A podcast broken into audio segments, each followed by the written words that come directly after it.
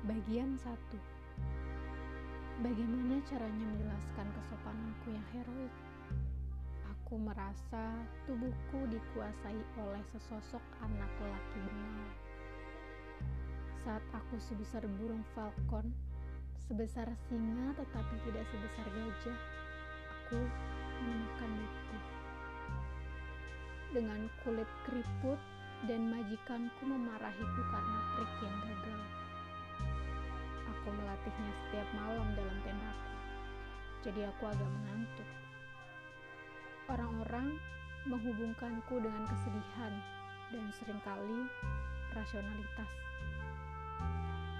Randall Jarrell membandingkan aku dengan Well Steven, penyair Amerika. Aku bisa melihat itu dalam stanza-stanza tiga barisku yang kaku. Tetapi dalam benakku, lebih milik Eliot. Seorang laki Eropa, seorang tokoh pertanian. Siapa pun yang bersikap terlalu resmi akan menderita kehancuran. Aku tidak menyukai eksperimen dan keseimbangan, aksi dan atraksi menegangkan. Gajah adalah gambaran masa lalu, seperti saat kita mulai menerima melakukan migrasi melankolis kita untuk mati.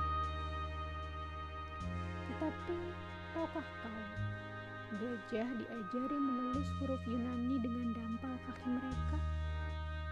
Di daerah penderitaan, kami berbaring di atas punggung lebar kami, melontarkan rumput ke surga bagai suatu distraksi dan bukanlah doa. Bukan rasa malu yang kau lihat dalam